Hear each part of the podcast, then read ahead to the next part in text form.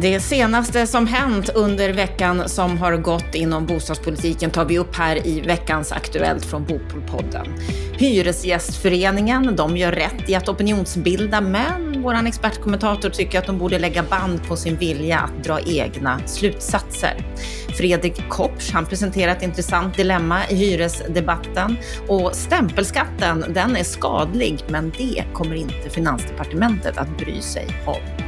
Och när det gäller konjunkturen som vi är inne i just nu, då finns det risk för prisfall, ökade räntor och all anledning att hålla skärpt uppmärksamhet. Träffa vår expertkommentator Lennart Weiss alldeles strax. Varmt välkommen till oss på Bopolpodden. Jag heter Anna Bellman och är det så att du vill förkovra dig, gå då in på bostadspolitik.se där du har alla de senaste nyheterna och debattartiklarna och rapporterna. Nu är det dags för veckans Aktuellt. Veckans Aktuellt den här veckan ska vi börja med en liten annorlunda grej. Lennart Weiss, du som är vår expertkommentator här, har du rockat sockorna i veckan? Nej, jag ska erkänna att jag inte har det och jag ska till och med erkänna att jag inte kände igen fenomenet men, go, men, men käre tid vad det kändes gott i hjärtat att läsa om detta. Ja, Rocka sockorna det är någonting som startade för några år sedan på grund av att det är den 21 mars är den internationella världsdagen för Downs syndrom. En dag som är instiftad av Förenta Nationerna. Och 2015 så var det systrarna Natea och Noel som startade Rocka sockerna, att man ska byta socker, att man ska ha olika typer av socker på fötterna för att visa att olika är bra och att alla är lika mycket värda. Och Rocka sockerna, som sagt, började 2015 och spreds jättesnabbt via sociala medier. Superfint initiativ, precis som du säger. För att uppmärksamma eh, de som har drabbats av Downs syndrom ja. och deras livssituation. Precis. Och visa att alla är lika mycket värda. Och jag tänker att i den här tiden som vi är i nu så kanske det här är extra viktigt att påminna sig och därför känns det lite bra att börja veckans Aktuellt från Bopolpodden med den här nyheten. Vi vill ju också belysa olikheter, förkovra oss i skillnader, vad som är rätt att tänka. Och jag tänker det här att vi vill ju också att alla ska vara lika mycket värda på bostadsmarknaden. Mm. Men jag tycker att vi ska avrunda det här med att slå ett slag för eh, Natea, lilla syster Natea som i praktiken är stora syster som har skrivit en bok som heter Sockdrottningen i landet annorlunda. Den ska ni ju köpa och läsa för era barn. Det ska vi göra. Då ska vi gå vidare med lite mer bostadspolitiska frågor och börja med kanske det som har varit veckans snackis. Hyresgästföreningens nya undersökning, Hyresgästerna 2022, där de har låtit Novus få fråga 4 100 svenskar om deras syn på bland annat politiken. En undersökning som genomfördes i februari i år, där endast 11 procent av väljarna tycker att politikerna tar bostadsbristen på tillräckligt stort ansvar. Hela 60 procent tycker inte att politikerna gör det. 35 procent anger att bostadsfrågan är viktig för deras val av parti. Och partiet Vet ej får 51 procent av rösterna när väljarna ska ange vilket parti som har bäst bostadspolitik. Och de menar i den här undersökningen att gapet mellan väljarstöd och förtroende för bostadspolitiken är störst bland Moderaterna, Socialdemokraterna och Sverigedemokraterna och att Vänsterpartiet har störst förtroende bland hyresgäster. Vad säger du om den här undersökningen, Lennart? Ja, men alltså den här undersökningen visar ju först kanske en av Hyresgästföreningens styrkor. De är bra på den här typen av eh, eh, undersökningar med, med, med brett urval, brett underlag och lite klurigt gjorda infallsvinklar och, och, eh, som också gör att de krattar fram resultat som de har nytta av i sin opinionsbildning. Jag tycker att den är lite småkul, den innehåller dessutom en del intressanta iakttagelser. De här siffrorna som du refererar tycker jag, tror jag nog ger en ganska rättvisande bild av hur väljarna ser på bostadspolitiken i stort. Man kan konstatera eh, i resultatet också att eh, Vänsterpartiet eh, åtnjuter ett stort förtroende och då rör det ju framförallt hyresfrågorna. Motståndet mot marknadshyror som Hyresgästföreningen och vänstern egentligen har drivit tillsammans har gett resultat. Det är inte särskilt förvånande heller att Moderaterna har störst förtroende hos småhusägarna och att det är liksom frågan om nej till marknadshyror som har slagit igenom. Så att här kan man ju säga att man gör en undersökning som stöttar Hyresgästföreningens roll i opinionsbildningen men också ett antal centrala teser som de driver. Sen kan jag ju tycka att summeringen eh, som de gör i, i Aftonbladet när de gör ett medskick till partierna delvis är lite tendensiöst. Va? Eh, man säger till exempel då på tal om, om eh, Moderaterna att Moderaterna eh, borde, man, man hävdar då att Moderaternas, Moderaternas väljare säger att man borde bygga mer främst hyresrätter. ja, så kanske det ser ut om väljarna uttrycker preferenser för andra människor. Men vi vet ju från en rad undersökningar att om man frågar vad väljarna själva, hur själva, väljarna själva vill bo, då vill de ju faktiskt bo i ägda bostäder. Så Hyresgästföreningen har en tendens att ställa frågorna så och vinkla svaren så att man får det önskvärda svaret utifrån den egna intresseorganisationens drivkrafter. Eh, det tycker jag är lite synd därför att det undergräver förtroendet för den här typen av undersökningar. Men jag tycker ändå att eh, det är bra att de har gjort den här. Sen kan man ju tycka liksom att hela paketet här landar i att man ska bygga mer, man ska bygga mer hyresrätter, man ska begrava marknadshyror och man kommer ju tillbaka till sina gamla käpphästar, driven, alltså skapa en utbudsdriven politik byggd på subventioner. Och det har ju liksom inget större stöd vare sig hos väljarna eller de politiska partierna när man skrapar lite mer på ytan. Så att här, här, här väljer ju Hyresgästföreningen sin egen verklighet. Och när jag sen läser i Dagens Arena vad, dagens, eh, vad, vad, vad Ragnar Bengtsson där säger på tal om den här utredningen, så kommenterar han eh, allmännyttans roll och säger då i ett citat att det blir knepigt för kommunerna om de ska behålla eh, sitt skuldsättningsmål, att, att eh, behålla en stor allmännytta och eh, samtidigt renovera utan att staten kommer in och hjälper till. Alltså det där är ett väldigt märkligt resonemang därför att det är ju inte kommunerna som anslår medel för renoveringar. Det är hyresgästerna som gör det. Det finns inget samband mellan, mellan kommunernas skuldsättning och renoveringar på det sättet. Däremot så är det så att när ett kommunalt bolag går till Kommuninvest för att finansiera en investering oavsett eh, av vilket slag det är, då tittar Kommuninvest på, på kommunens samlade soliditet, det vill säga både kommunens balansräkning och det allmännyttiga bolagets. Men det är inte så att kommunen skickar in pengar för renoveringar. Det är ett missförstånd som allmännyttan aldrig skulle hålla med om. De påpekar ju alltid att, att eh, de kommunala bolagen, bolagen finansieras av hyresgästerna, inte utav kommunerna. Möjligen i, en, i ett långt historiskt perspektiv där man tillförde lite eget kapital. Så där gör han sig skyldig till ett faktafel och, och, och, och vrider på sanningen för att driva en egen tes. Och sådana där grepp är inte särskilt bra. Där skulle jag nog rekommendera Hyresgästföreningen att hålla tungan rätt i mun bättre. Det blir en typ av övertramp som inte gagnar deras egen trovärdighet. De har ju också en debattartikel i Aftonbladet i veckan med anledning av den här undersökningen och där avslutar de den debattartikeln med att hyresgäster utgör 27 procent av Sveriges röstberättigade befolkning. Det är två miljoner hyresgäster som ska rösta i valet i höst. För dem är bostadspolitiken central för att kunna leva ett gott liv. De är beredda att byta parti för en bostadspolitik som fungerar. Tror du att man kan dra den slutsatsen av den här undersökningen, att människor faktiskt är beredda att byta parti på grund av bostadspolitiken? Jag skulle eh, önska att de hade rätt, men tyvärr så, så, tror jag inte det i någon större utsträckning. Och det är ju en del av den här ska vi säga, frustrationen som vi vädrar nästan varje vecka här på Bopolpodden och i bostadspolitik.se. Eh, när man tittar på andra undersökningar så kan man se att bostadsfrågan rankas topp tre i stort sett bara i Stockholms län. Det är där bostadsproblematiken är som störst. Eh, de har helt rätt i att eh, bostadsfrågan har en väldigt fundamental betydelse i människors liv.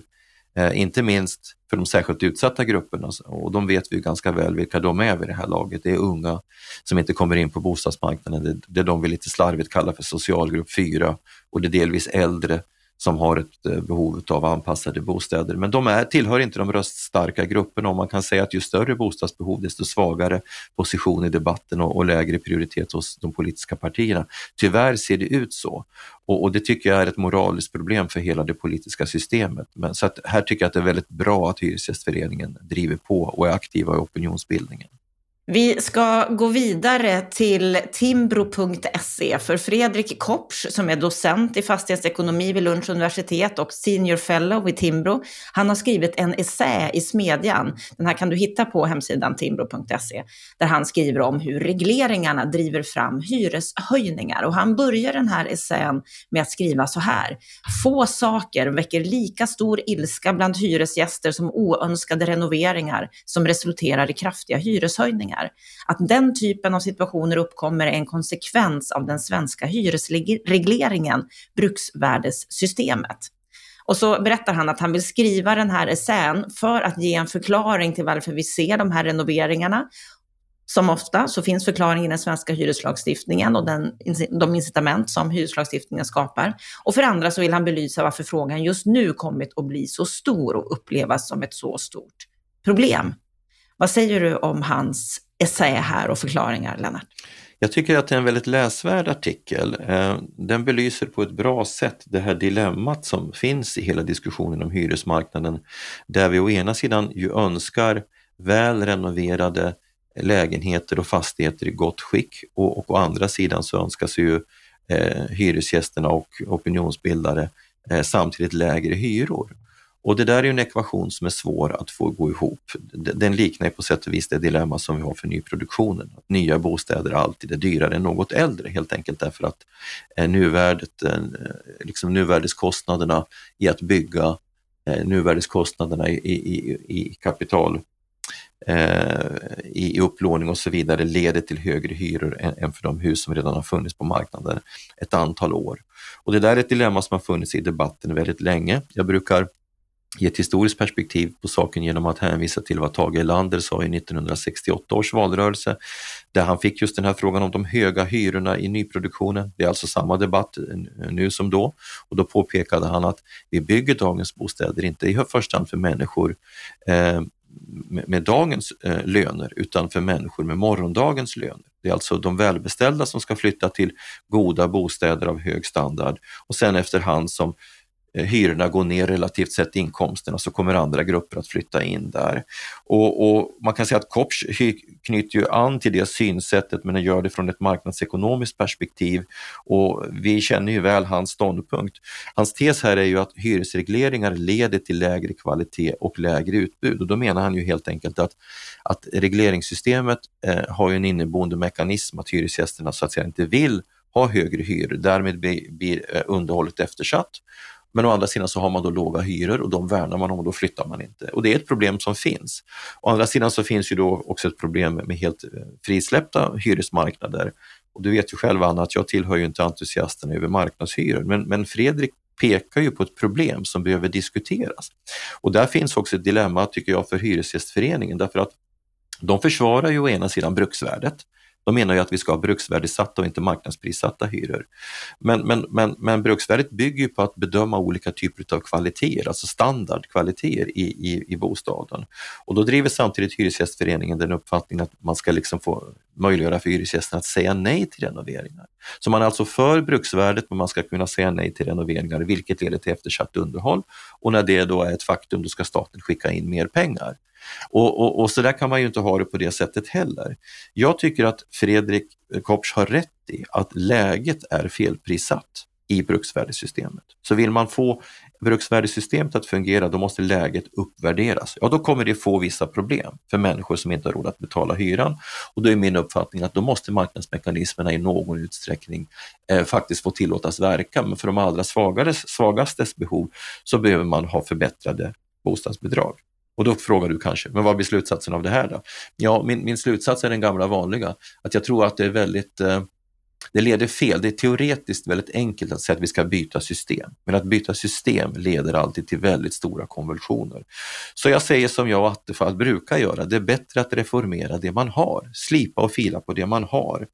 Eh, och då ska man så att säga eh, låta lägesfaktorn få en större betydelse man ska uppmuntra allmännyttan att renovera på ett varsamt sätt med egen personal, med delade entreprenader och successivt som man gör i många bolag som till exempel Gårdsten som då har kunnat hålla tillbaka hyresökningarna just för svaga grupper.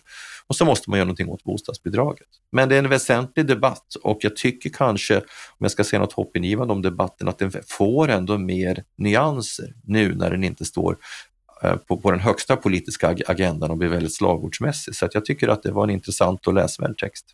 Mm, vi ska gå vidare till en annan debattartikel där Sofie Wilhelmsson Agrén som är skatteexpert på byggföretagen och Ulrika Hansson som är skattejurist på Fastighetsägarna menar att regeringen bör tänka om gällande stämpelskatten.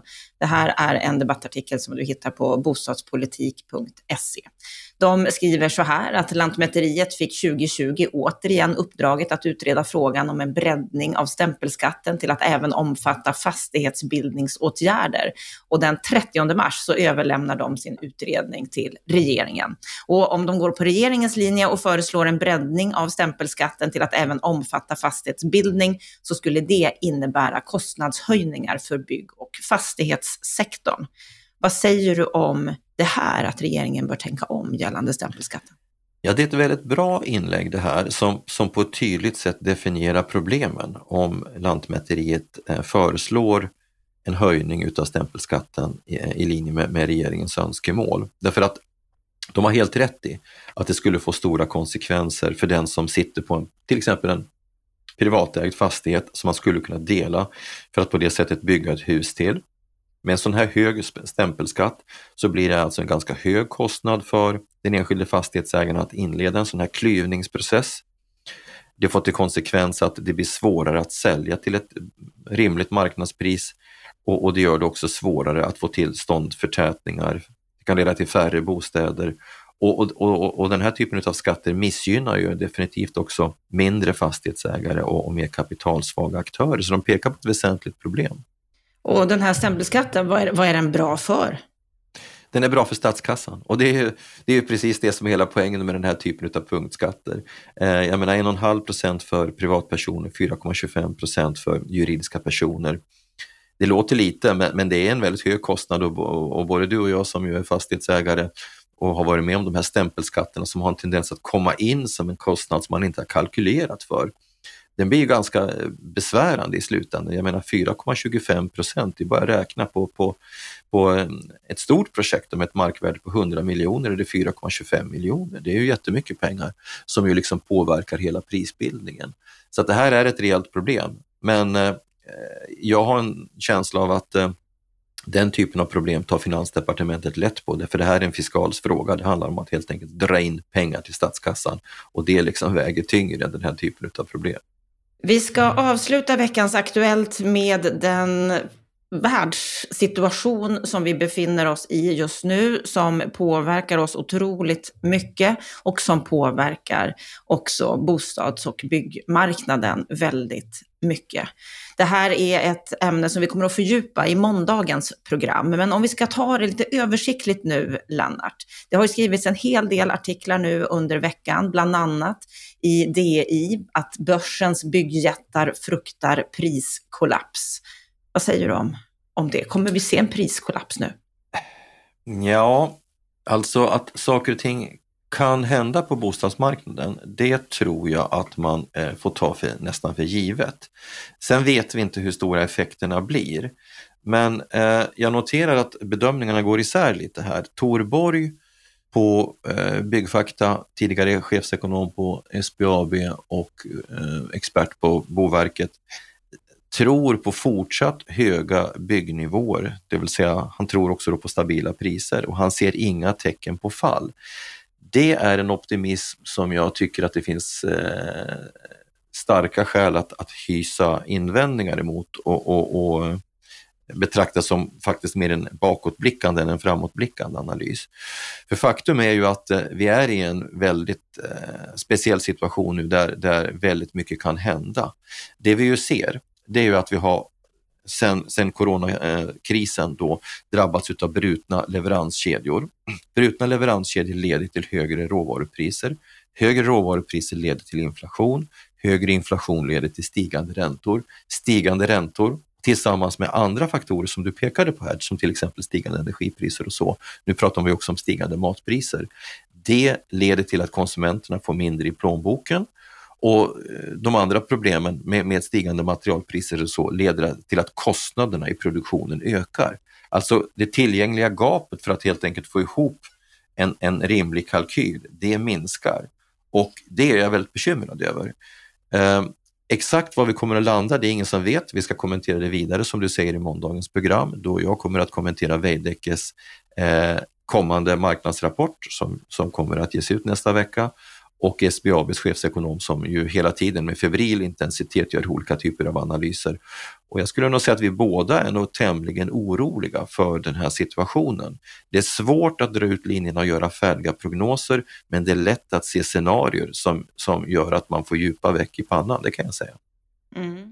Det är mycket som påverkas, bland annat så har ju SBAB, det är ju Robert Boye som vi ska träffa på måndag, eh, SBAB har ju bland annat räknat med att vi kommer att se en halv procent högre ränta på rörliga bolån och att räntehöjningarna kommer att fortsätta. Om tre år tror de att lånen kommer att bli ytterligare en halv procent dyrare. Och Robert har ju gått ut och sagt att eh, som bolånetagare så behöver man kunna räkna på en, en ränta på 5 procent. Ja, får jag göra en kort kommentar om det? Jag tror att, att räkna på en ränta på 5% är ju inte samma sak som att vi kommer att få räntor på 5% Det tror inte jag heller. Men vi kan mycket väl hamna i ett läge där vi får styrräntor på 2-2,5 procent. Och säger vi då att banken har en marginal på minst en halv procent, då hamnar vi alltså på räntor i konsumentledet på 3, lite drygt 3 procent och för rörliga lån då. Och det är en väsentlig höjning mot idag. Jag har ju tillhört ränteoptimisterna som du vet under lång tid och, och eh, inte haft särskilt stor tro på att vi skulle kunna få den här typen av ekonomiska utveckling som vi har nu med stigande inflation och stigande räntor. Men jag kan säga att just nu så tillhör jag nog de som är mer bekymrade. Jag tillhör det lägret snarare just nu som, som, som eh, tror att vi har en tendens att underskatta kraften i det som sker. Men vi ska utveckla det närmare på måndag. Med det sagt så vill jag också säga att det här som vi nu, nu kan se tecken på tror jag samtidigt inte kommer bli någon särskilt långvarig effekt utan det, det kommer bli en sorts spik. Det kommer vara en effekt på ett, max två år är min alldeles bestämda tro innan saker och ting återställer sig. Vi kommer inte hamna i en sorts 70-talsscenario. Det är i varje fall ganska osannolikt just nu med stagflation. Men att det på kort sikt kan bli väldigt stökigt, det tror jag man, man ha anledning att eh, ta höjd för och därför så tror jag att eh, lyssnarna ska ta del av måndagens program för det kommer bli en intressant och fördjupande spaning. Du är orolig. Robert Boye ska vi då också få samtala med och höra hur han ser på läget nu och framåt. Så missa inte vårt program på måndag som släpps då. Ja, stort tack för idag Lennart. Med detta så hoppas vi ändå att vi kan få njuta av solen i helgen och njuta av allt det fina och vackra som finns omkring oss. Det är lätt att bli väldigt nedstämd, men det ska vi inte bli. Så ha nu en riktigt, riktigt skön helg.